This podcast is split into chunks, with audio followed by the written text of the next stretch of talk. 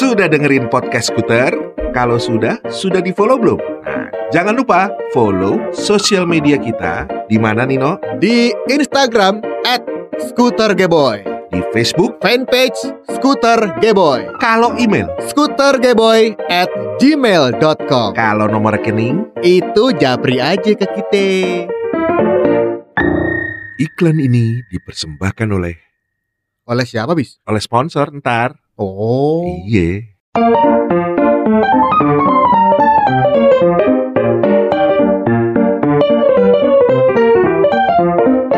Lo kalau interupsi apa? Itu bis Yang suka dikerjain sama para dewan Kalau Inter Milan? Kalau itu klub bola asal Itali Kalau interlokal? Nah itu interview artis lokal Interlokal, interview artis lokal, cuma di Podcast Skuter. Nino Nino, Bisma semangat dong. Aduh agak Kalau baru di awal itu harus gaspol no. Gitu ya Iya gaspol. Ulang sekali lagi coba Jangan Kenapa? capek.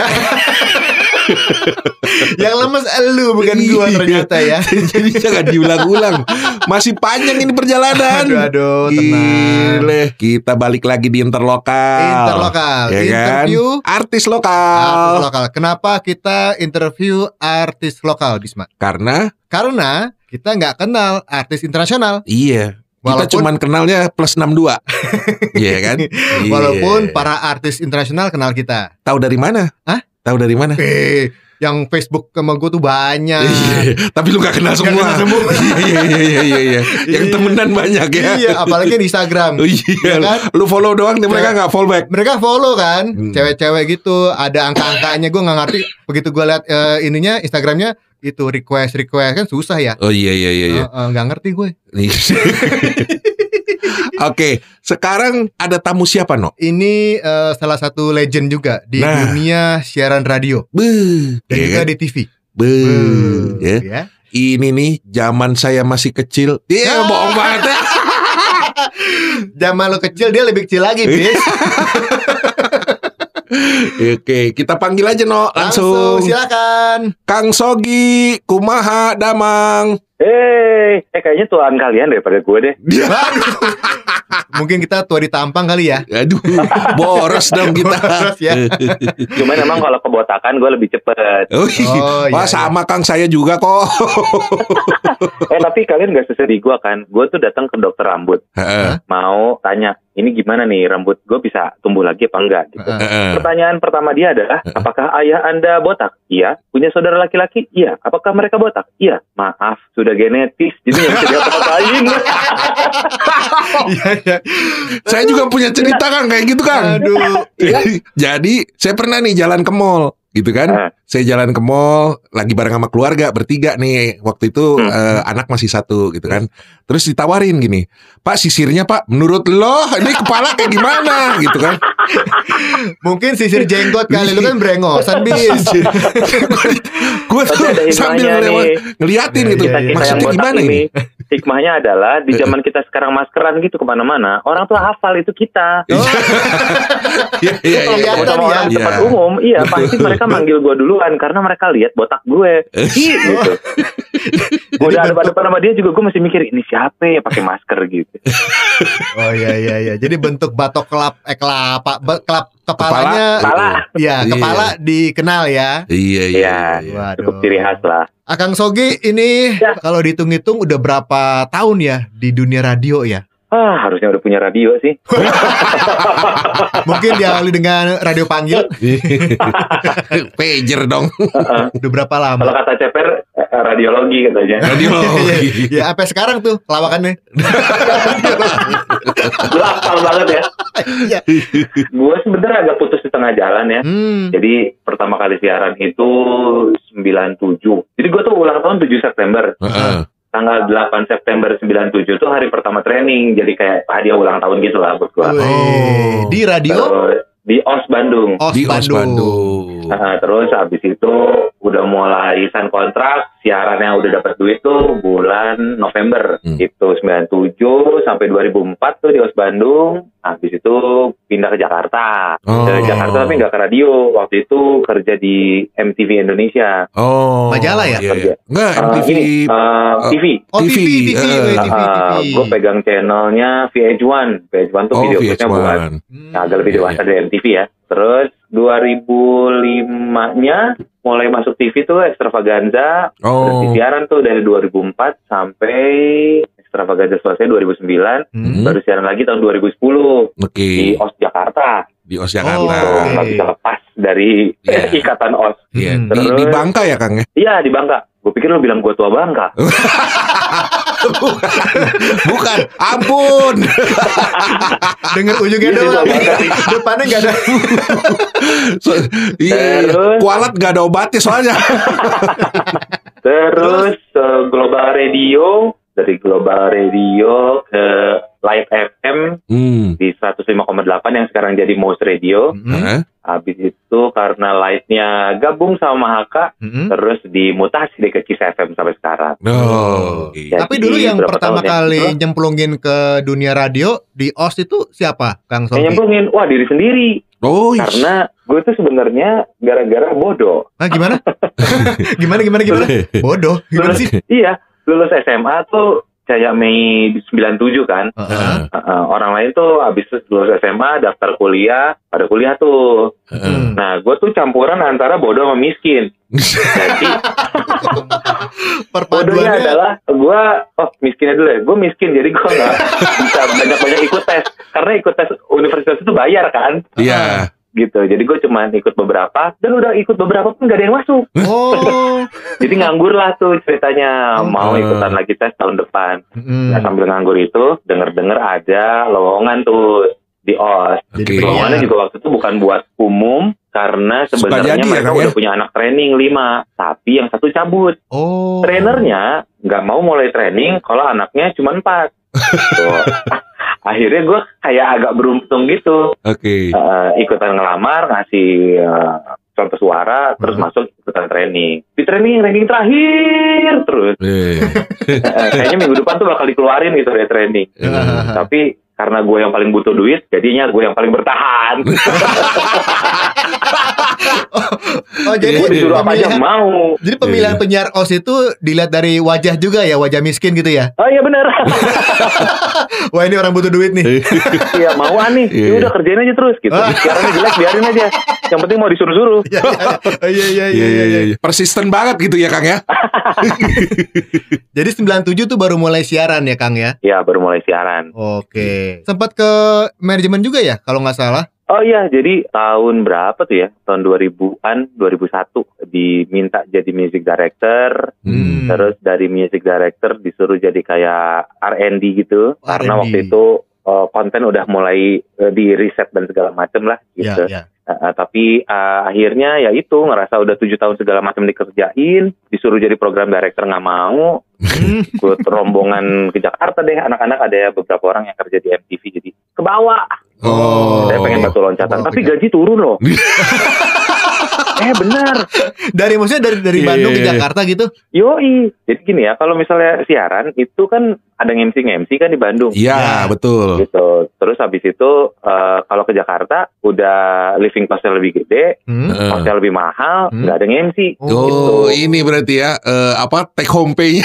Take home pay. Bener, Kecil. bener, bener, bener.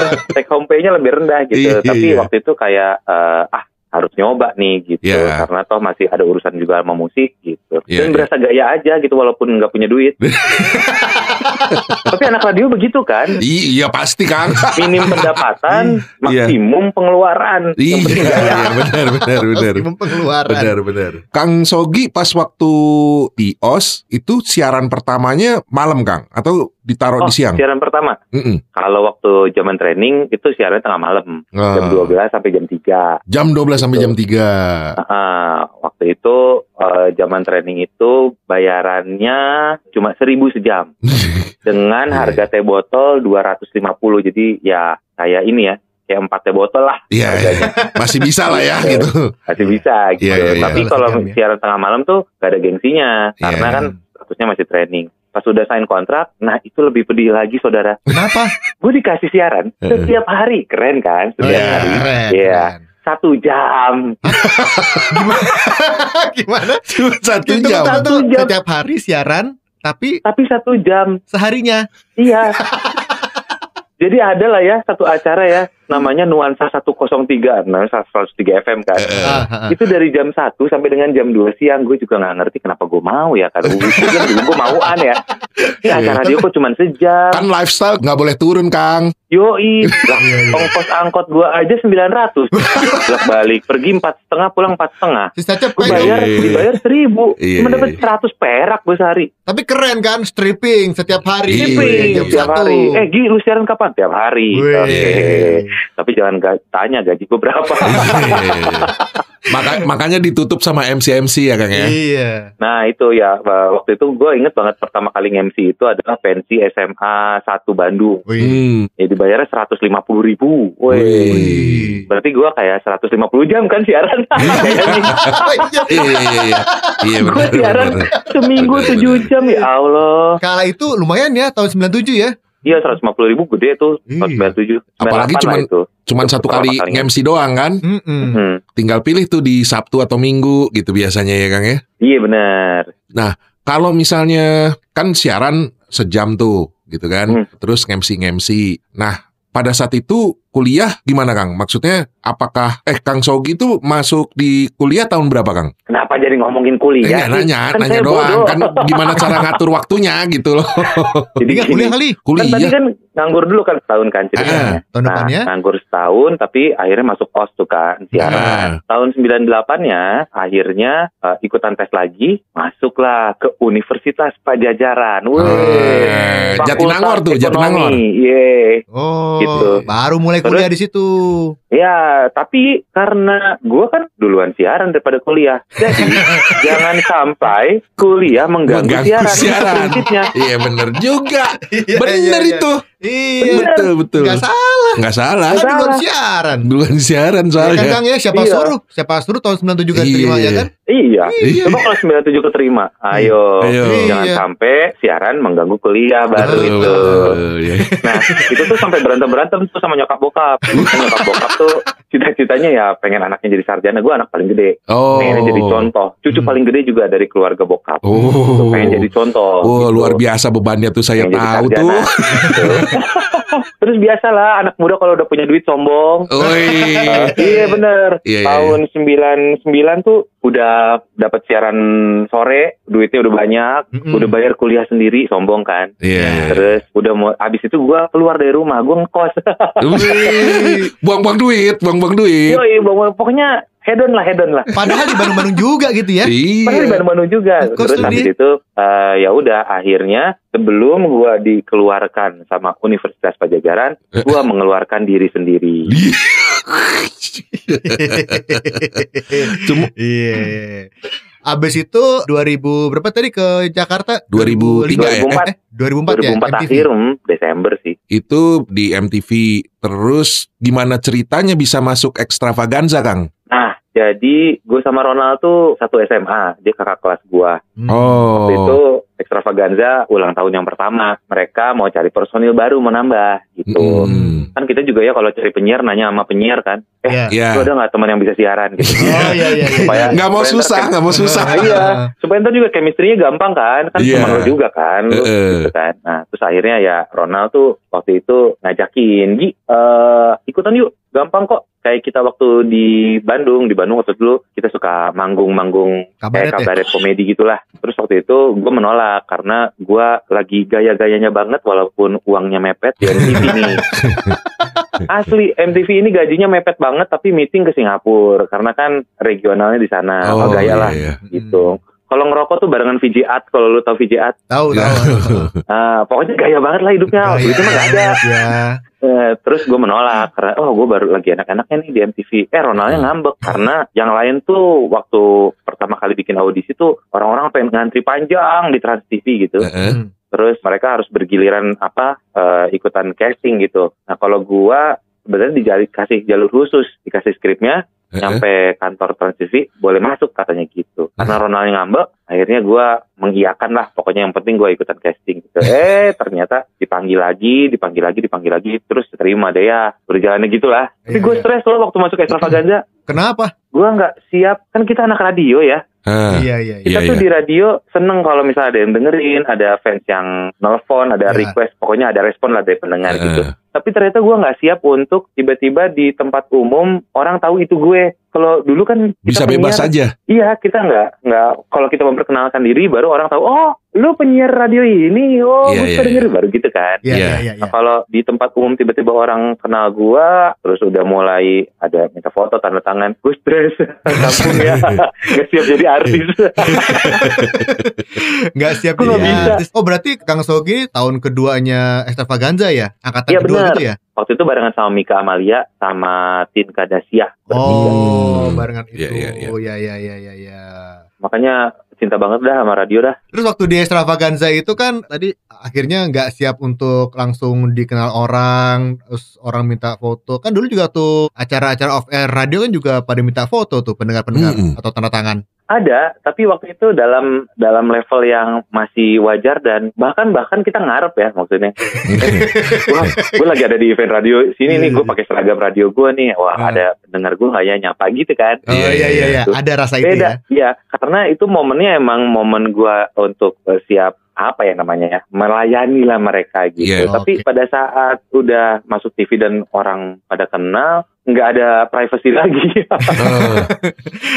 Iya, iya. Gaya sih omongan gua ngobrolin soal privacy siapa gue gitu. Tapi gua bener-bener waktu itu merasa stres dan sangat terganggu sekali. Gue biasanya curhatnya sama Aming. Oh. Cuman Aming selalu bilang sama gue kalau itu ya udah resiko kerjaan lo. Gitu. Iya, iya. Itu berapa lama Kang Sogi ngerasa itu sampai akhirnya udah hajar bleh, udah biasa. Itu berapa lama adaptasinya? Eh, masuk ya hampir dua tahun lah. Hmm. Dua hampir tahun. dua tahun di extravaganza kemudian akhirnya kita bikin kayak tour ke beberapa kota Mm-mm. yang eh, penontonnya banyak Wah tuh banyak banget tuh tiap tur tuh. iya Sampai diarak-arak kan Iya. pakai mobil pickup ya? Pakai apa iya sih? iya iya iya ada jeep iya, ya? iya. gitu Diarak-arak gitu. Oh. Iya. Karena Pokoknya pas waktu, waktu itu akhirnya extravaganza lagi top-topnya kan kan? Heeh. kayak anak band Iya, iya. Iya. jadi attitude gua harus kayak attitude anak band gitu kayak kayak apa ya apa ya attitude anak band tuh maksudnya ya harus naikin level diri sendiri Iya, bahwa iya, iya. ya udah lu adalah sekarang lagi jadi bintang ya posisikan diri lu bintang lu nggak bisa Mm-mm. kayak orang biasa yang lu pengen meng- apa ya menjalani kehidupan sehari-hari kayak orang lain tanpa orang mengenali lo udah nggak bisa di situ gitu lo harus paham itu dan nikmatin aja kebintangan ini gitu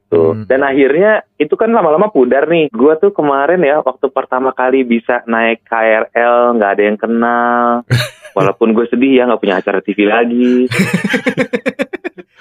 tapi gue ngerasain ini dia gitu apa ya rasa yang dulu pernah gue rasain sekarang gue nggak diganggu itu lagi gitu Iya, iya. Kembali tapi apa ya manusia biasa gitu Iya. ya, tanda kutip Iya ya. iya iya seneng banget walaupun memang ada beberapa yang kenal tapi kenalnya juga nggak yang seheboh Nggak dulu. heboh. Gak heboh Iya. kayak dulu gitu. Heeh. Pasti banyak Iya. Kang di dalam KRL tuh yang itu kayak Sogi, ah enggak mirip doang. Iya. Ah enggak kok lebih, pe- lebih pendek kayaknya. Enggak. Dulu nggak botak kah? Mungkin gitu kali ada yang ngegibah di Iya, belakang iya. Kang Sogi Kadang-kadang gitu. di sudut mata suka ada ini ya, terga- kelihatan kan pergerakan-pergerakan kalau ada orang ngomongin kita gitu. Iya, Dan yang iya, paling iya. sering adalah Kang, ya gimana Project Pop? Hah Project Pop?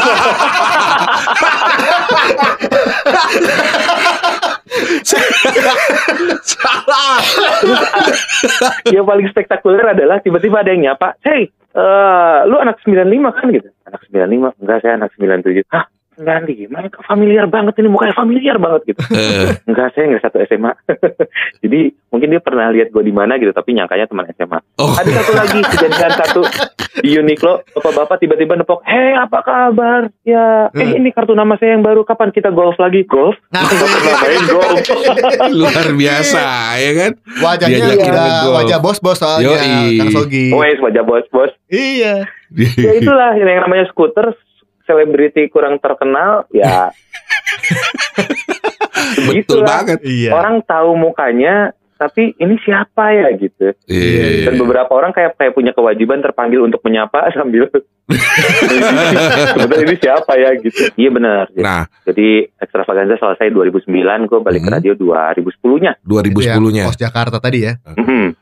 Itu ya memang karena maksudnya gini, ada tawaran dari OS-nya sendiri atau Kang Sogi eh apa main ke OS terus langsung meng- me- mengajukan diri ibaratnya gitu. Waktu itu kebetulan eh, yang pegang OS Jakarta tuh Adri dan Watmaja. Oh. Dia tuh teman satu trainingan waktu 97 itu loh. Oh iya iya iya. nah, iya. dia tuh anak yang ranking satu terus tuh. Oh iya iya iya iya. ranking terakhir iya, iya, iya. training. Iya iya iya iya. Iya iya. Ya, Adri minta. Makanya beda ya. Kang ya kalau dia jadi presenter eh, ini kalau ini jadi Hmm. extravaganza gitu ya. Kalau dia mah yang rapi-rapi dicap-capin dibagus-bagusin ya. Gitu. Pergaulannya juga sama artis-artis gitu. Kita mah makin jelek makin dipakai.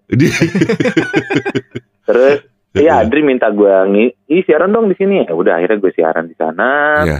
Terus agak nggak kuat, nggak kuatnya itu adalah eh, OS Jakarta itu ya masih radio anak muda kayak di Bandung. Tapi kan Iya. gue udah menua nih, jadi gue Hmm. ngerasa nggak terlalu Enggak. Relevan. satu Relevan. ya, nggak nggak sefrekuensi. Heeh. Terus habis itu ya karena udah siaran di OS, gue jadi pengen siaran lagi di mana ya gitu. Waktu itu kebetulan eh, siaran deh di Global sama Ceper. Oke. Habis dari Global, Itu siaran pindah pagi ya? ke Di Iya, global. siaran pagi dari Global terus gue pindah lagi ke grupnya Ramako ke Oke. Light, Light. FM. Right ya. Iya, Di situ sekarang- barengan sama Liza ya. Iya, bareng sama Lisa Hmm. yang pernah kalian produseri katanya. Iya iya iya iya. Tapi udah itu barengan tuh eh, tandem, partneran, siaran berdua Sama Lisa. Iya.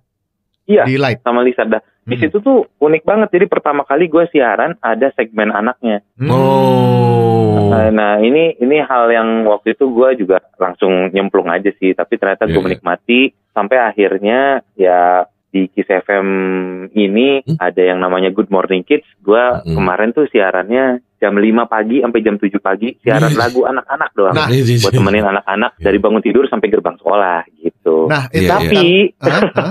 tapi tapi tapi tapi karena pandemi ini karena nggak ada yang berangkat sekolah pagi-pagi, acaranya bungkus.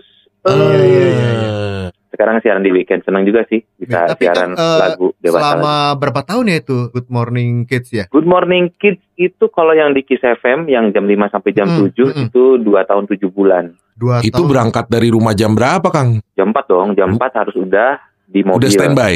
Oh jam 4 Ya, eh, jadi bangun itu 3.20 biasanya gue. Oh Apa yang ada di Eh. pikiran Kang Sogi waktu di apa diminta untuk membawakan Good Morning Kids jam 5 pagi sampai jam 7 pagi, Kang? Iya. Setiap hari, Senin sampai Jumat.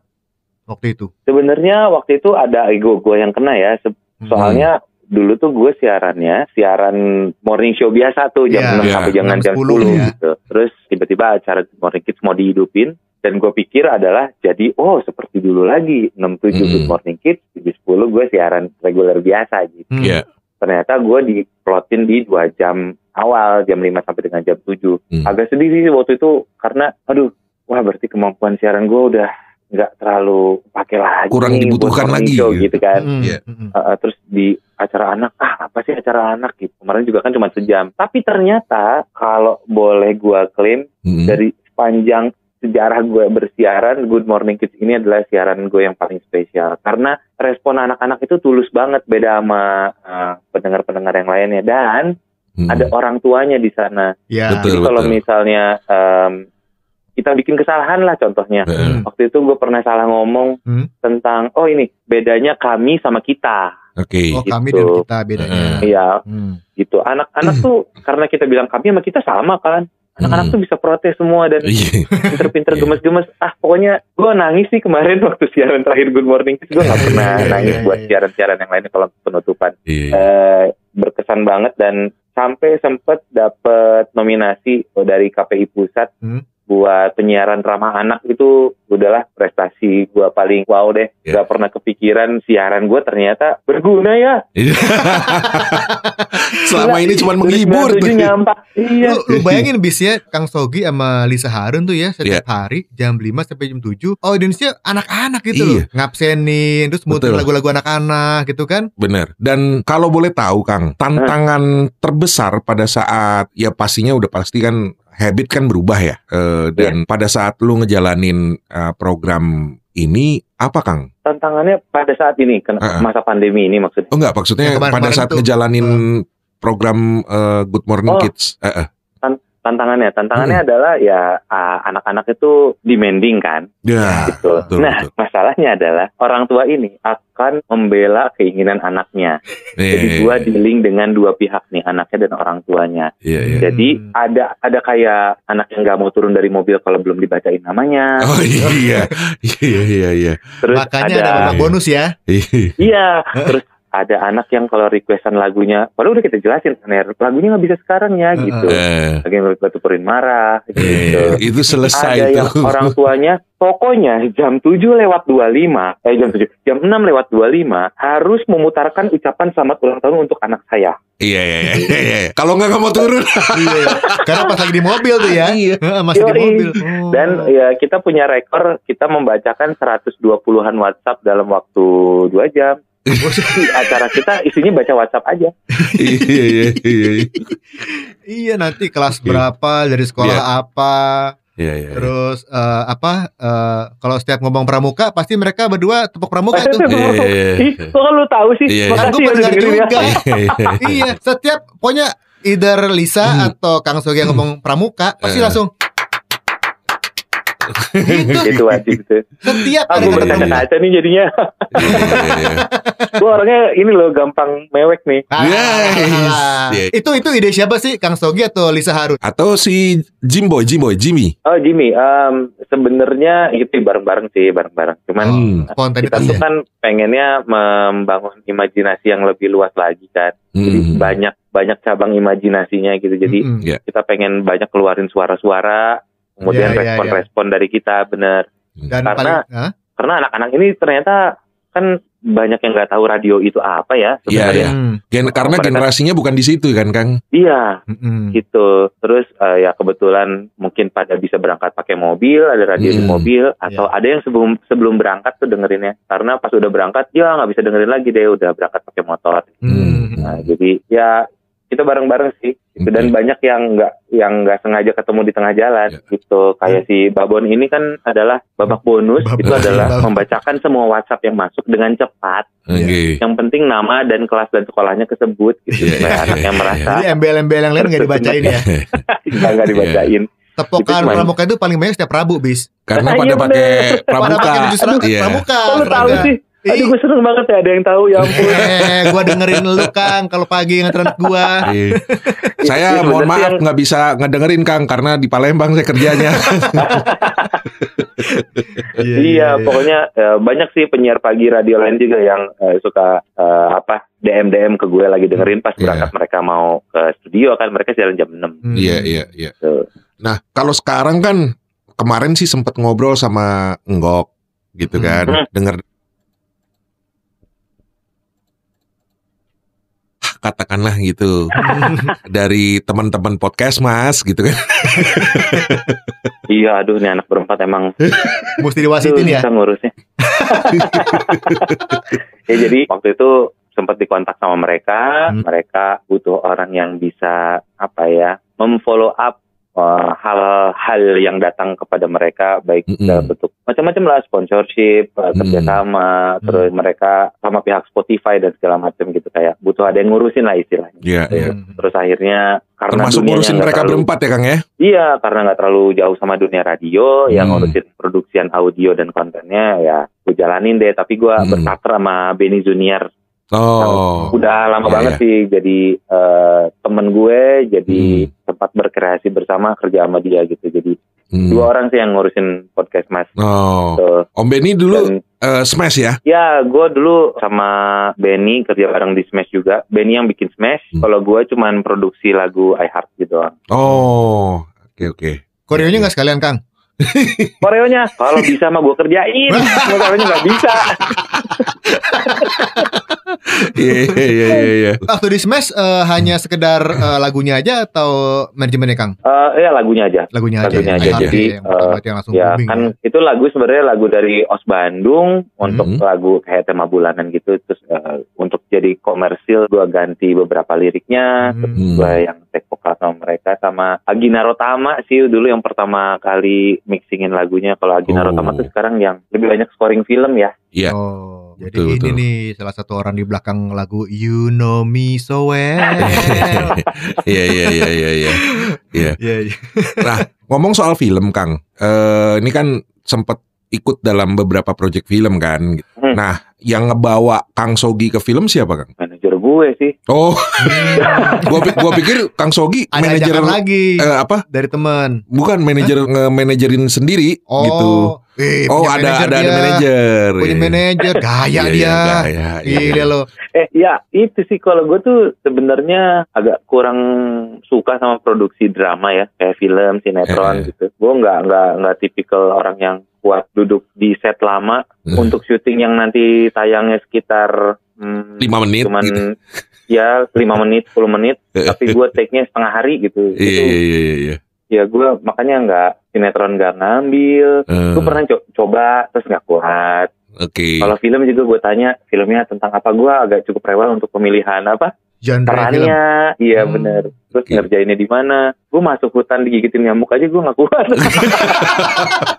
Eh, tapi film-filmnya Kang Sogi kan ya yang ada yang serem juga, horor, Iya. ada yang Hmm. komedi gitu kan? Iya iya iya iya. Nah eh, film-film gue itu rata-rata scene-nya nggak terlalu banyak yang gue ambil tuh dan yang, Yang komedi horor? lebih preferable. Oh. Terus ada yang si eh, satu film horor lah. Eh, Waktu Hmm. itu gue jadi supir angkot gitu. Heeh. Syutingnya cuma dua hari. Eh, di situ di skripnya jadi supir angkot malam hantunya Dewi Persik terus ada adegan pegang paha Dewi Persik siapa yang nggak mau oh jadi nerima nerima tawarannya karena Iya, iya, itu, iya.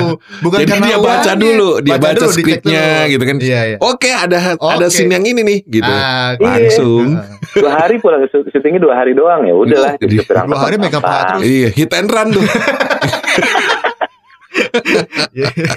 Oke. Ya, Kalau yang paling gua berke- agak-agak agak nggak terlalu apa ya passionnya nggak terlalu di situ sih nggak Oh. terlalu di produksi Iya, iya. drama Jadi Tadi terak- terakhir eh, di tahun 2018 ya ada film Hmm. Reuni Z itu ya. oh ya di Reuni Z eh, itu filmnya Soleh ya Oh iya. Oh, tentang Soleh. ini tentang Eh, apa? kampusnya Kampusnya.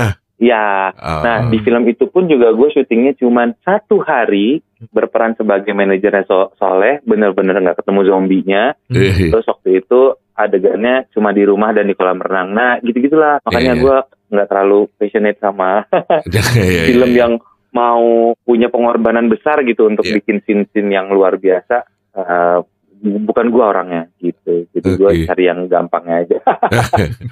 nah, ke depan Kang Sogi mau bikin apa nih? Karena kan biasanya kalau orang kreatif nggak bisa diem nih, gitu. Mm-mm. Heeh. kelemahan gue adalah gue bukan orang yang eh, bisa eh, jadi leader. Hmm. Gue itu adalah orang yang tapi selalu siap disuruh. Emang murahannya dari dulu ya. Mau disuruh-suruh. Dari zaman training sampai sekarang. Ya, jadi eh, kayaknya emang passion gue adalah dikasih gue kerjaan nih, gitu. Gue akan selesaiin.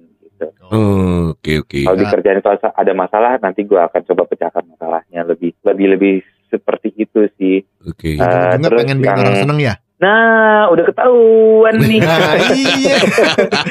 Iya kan? People, people pleasure kayak gue ini ya eh, akan di situ-situ aja sih. Iya iya. Tapi ya banyak lah cita-cita yang belum tercapai. Hmm. Ada project musik juga lagi nih sama sama Benny. Mm-mm. Oh. Kemarin Februari sempat ke Malaysia untuk ketemu sama ada eh, komposer sana. Heeh. gitu. Ya, mudah-mudahan projectnya jalan lah tahun ini. Oh, amin amin. pandemi untuk vokalis sih. mungkin eh, kita Iya. dua om-om siap. Kita selalu nggak matching sama gitar. Iya. Oh, is. Iya. Heeh. Jadi kita selalu matchingnya sama drum. Mm-mm. Gue simbalnya. Mm-mm. yang paling berisik. Suaranya nggak matching sama kunci gitar, selalu sama kunci Iya, drum iya, kita matching. Iya, tapi gue ngelihat di eh, tahun 2020 ini sampai tahun depan tren Mm-mm. podcast ah, akan oke nih kayaknya. Jadi uh, buat eh, skuter juga ini seru nih sudah meramaikan eh, perpodcastan. Terima kasih, Betul. Kang. Apalagi kalian kan ada basic broadcastingnya oke banget. Wih. Loh, Ribut kalian loh, kan udah tahap level pengajar kan? Iya. udah, udah level, level trainer. Langsung di, dicari siapa Iya. orang. Iya. Eh ngomong-ngomong soal pengajar Kang, eh, ada keinginan untuk mengajar nggak Kang? Wah, gue mau direkrut nih sama kalian aja. Bisa lah kita obrolin Kang. Bisa kita ngomongin. Sebenarnya gini, Mm-mm. banyak orang-orang di gue ya, ini ini menurut gue pribadi ya, banyak Mm-mm. orang-orang di luar sana yang melihat pekerjaan kita tuh keren ya. Maksudnya Mm. eh, di dunia broadcast lah, dunia cuap-cuap dari mulai Iya. MC sampai eh, ya putar cuap-cuap lah gitu. Hmm. Tapi mereka tuh kayak pada pengen cepet bisa untuk Yes. seperti yang mereka lihat, yang mereka Iya, iya. tonton gitu. Iya. Dan salah satu caranya adalah menyerap ilmu dari kita. Nah, yang lucunya adalah kesempatannya sedikit, tapi peminatnya banyak banget. Iya, iya, Gitu. iya. Jadi. Uh, jadi kalau gue sih akan dengan senang hati untuk bisa berbagi lewat forum mengajar apa pun. Oke. Uh, dan yang paling mengerikan di dalam kelas adalah di dalam kelas setiap orang kepalanya ekspektasinya beda-beda. Iya. Padahal yang gue sampaikan betul. sesuatu yang uh, mungkin akan sama rata Ya, betul, kepada betul. mereka. Jadi buat uh, Nino sama Bisma nih yang bergelut di bidang public speaking uh, keren banget karena uh, itulah yang dicari sama orang-orang. Mudah-mudahan ya pengalaman broadcasting Nino sama Bisma ini bisa di-share dan bisa mewujudkan setiap isi kepala orang-orang ini yang ada di kelas. Gila loh. Amin, Public amin, speaking. Amin. Hmm, sampai mas korporasi-korporasi besar tuh masih bikin training training training apa Public namanya speaking. public speaking yang gue lihat kayaknya nggak maju-maju nih masih di basic basic aja terus karena di dalam kelasnya ya orangnya terlalu terlalu beragam kemampuannya Iya, iya. gitu udah udah udah saatnya kita main leveling nih pada saat Hmm. mengajar di public speaking ini Seru Gitu. nih Eh, kalau diajakin jadi ngobrol nih. ngatur-ngatur ya Iya. Bisa lah, kita, harus eh, meeting lagi nih kayaknya. Iya, nih kayaknya bakal ada ketemuan lanjutan nih kayaknya. Iya nih. Eh, Tenang, kita nggak nyuruh-nyuruh kok. buat ini buat podcast kalian skuter Apa? pasti pendengar kalian setuju coba buat contoh-contoh salah dari public speaking jangan kasih contoh bener mulu Oh, Iya. Woi. Iya, iya, kalau contoh bener mau udah banyak Di- contoh salah lebih lucu banyak yang dengerin Ya kan? Siap. Gue bilang juga apa? Heeh, Orang kreatif itu nggak bisa diem. bener. Nah, ini bentar lagi pasti akan ada project selanjutnya. iya, tungguin aja. Biar kata eh, programnya jam 5 7 pagi bungkus, Iya. tungguin aja bentar lagi. Bentar lagi ada lagi nih, gitu. Heeh. Ya gak, Kang? bentar lagi dagang cilok nih kayaknya Siaran. Cilok. Nggak apa-apa, biar kata cilok juga pasti laku keras. Iya. Weh, Iya, Ciloknya si Sogi. Weh Iya. amin cinta dicolok. eh, tapi Kang Sogi juga sempat host TV dong. Kalau nggak salah ya. Dai TV. Sempat host TV ya itu adalah efek dari ya bergelut di ekstravaganza kemudian Oh, iya. Basicnya Iya. radio kan jadi bisa nge-host lah ya di TV. Iya, Tapi iya. kelemahannya anak radio nge-host di TV gitu, suka kecepatan ngomongnya. Ngejar lagu soalnya biasanya ngejar lagu. Iya bener. Kejar intro. Kejar intro. Kang Sogi, kan Kang Sogi ibaratnya sempat di depan layar ataupun juga di belakang mic. Tuh. Eh gimana nih maksudnya? Gimana sih? Kalau depan sih layar sama belakang layar lah belakang gitu lah layar. ya. Ini ngomongin apa sih? Presenter apa? Enggak, apa? maksudnya sempat di manajemen dan sempat Oh. jadi eh, maju di depan juga. Ya. Nah, sebenarnya pengennya gimana sih Kang? Maksudnya seorang Soulnya. Sogi itu Ah, ada di mana? Apakah tampil di depan atau pengennya mengkonsep gitu loh? Karena eh banyak orang lah cerita mulai dari zaman di Bandung dulu karena saya sempat di Bandung Kang dengerin siarannya Kang Sogi gitu kan hmm. bahwa ininya eh, salah satu ide-idenya Kang Sogi gitu. Hmm. Nah, Kang Sogi sendiri sebenarnya lebih enak di mana tempatkannya biasanya? Kalau gue sih nggak milih-milih ya, tapi Hmm. dua-duanya menyenangkan buat gue karena Hmm. uh, banyak pengalaman lah di keduanya juga. Hmm. Pada saat, nah pada saat ada satu pekerjaan, kadang-kadang gue tuh nanya sama yang hire kalau misalnya harus di depan layar ya, Hmm. kenapa gue? Terus Hmm. dijelasin sama dia, terus kadang-kadang gue ngerasa harusnya lu hire dia deh, karena Hmm. dia lebih bagus. Gue tuh sebenarnya terbuka untuk uh, tidak harus selalu gue yang di depan layar, Oke. karena harus yang terbaik yang yang yang muncul di depan. Nah, ada juga beberapa beberapa saat di mana orang yang di depan layar akhirnya harus gue komentarin, kok gitu sih? Itu harusnya gue yang di atas. Jadi kebayang nggak sih? Gue tuh Iya, emang iya. orang rewel ya. Jadi Iya. eh, tapi gue mau untuk di belakang layar, ditaruh belakang layar nggak apa-apa, di depan layar juga nggak apa-apa Iya, iya. selama gue memang ada di tempat yang tepat gitu. Dan Oke. gue bisa me- melakukan yang terbaik. Jadi kalau ditanya harus depan layar atau belakang layar lebih suka yang mana, dua-duanya gue suka selama Hmm. gue bisa ngerjainnya. Oke. Gitu. Dan ujungnya Gua bikin pernah- orang senang. Bikin- Ujungnya, Ujungnya bikin orang senang. nah balik lagi ke kelemahan gue. yang penting orang senang. iya, Iya iya iya. kadang-kadang suka ada orang yang sampai mi- minta-minta maaf maksudnya eh, aduh maaf ya eh, Kang Sogi jadi ngurusin ininya gitu bukan yang jadi yang tampil eh gue nggak nggak selalu harus tampil gitu Iya iya iya. Gitu. jadi apa ya namanya nggak rak bukan rakus juga sih tapi kalau nyombongnya mah gue tahu diri lah Oke. Yeay. Iya iya. ya Depan, belakang, yang penting enjoy. Iya. Gitu. iya depan belakang yang penting transfer dong Iya. itu juga. tuh. Yang penting masuk ke rekening. Iya. iya Kan kalau pulang Karena- nggak bawa apa-apa gak enak ya Kang ya. iya dong tapi kalian pernah nggak sih ada proyek temen Mm-mm. ya biasa proyek teman terus habis itu eh, harganya jadi minta miring. Bukankah kalau temen itu justru harus Membantu. jadi supporter nomor satu ya? Iya betul. Iya. Iya. yang nggak usah nawar-nawar Iya. maksudnya. Benar. Iya. Makanya sekarang kalau kalau gua Kang bilangnya ini eh gua nggak pernah ada proyek temen deh sekarang. Yang ada proyek sosial. Yoi bener, Iya, sosial iya, sosial sekalian kan. Iya. Sama ini kalau gue itu eh, nggak mau di, dikas apa ngasih harga spesial. Eh. Karena harga spesial itu harusnya lebih mahal. Ya kan? Martabak spesial Iya. lebih mahal. Jadi gue Iya. sama orang lu jangan minta Iya. harga spesial sama gua. Iya. Harga enak udah itu aja deh. lu enak gue Harga enak. Gitu. Orang minta harga spesial apalagi harga harga temen. Iya. Iya kan? Harga sosial. Iya, mendingan udah nggak ada proyek tem proyek proyek temen, proyek Iya. thank you, proyek sosial udah. Setuju.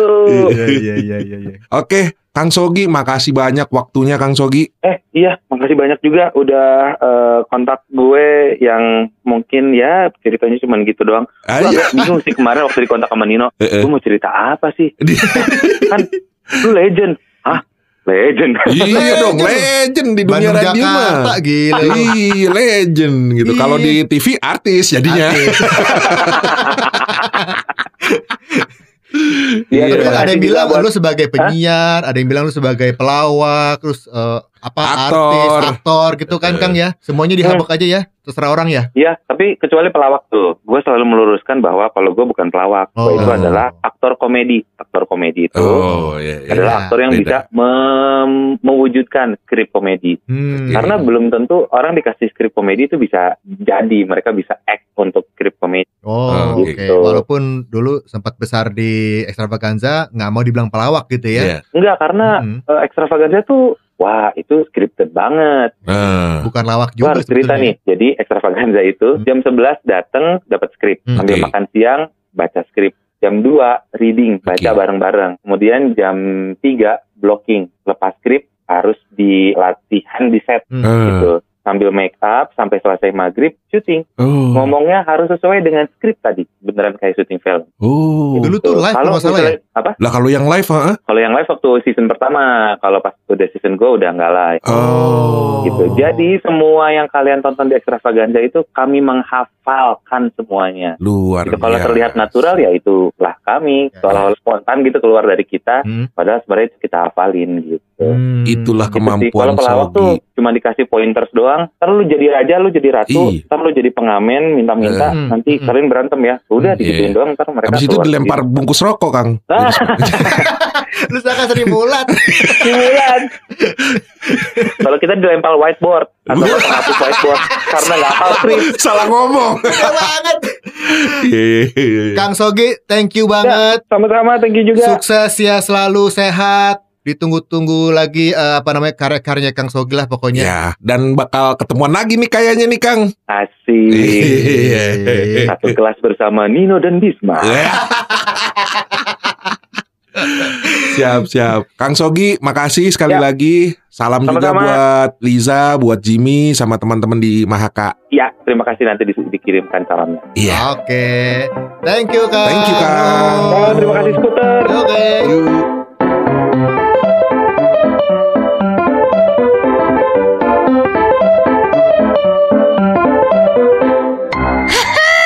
Seru kan? Jangan lupa follow at Scooter Gayboy di Facebook dan Instagram.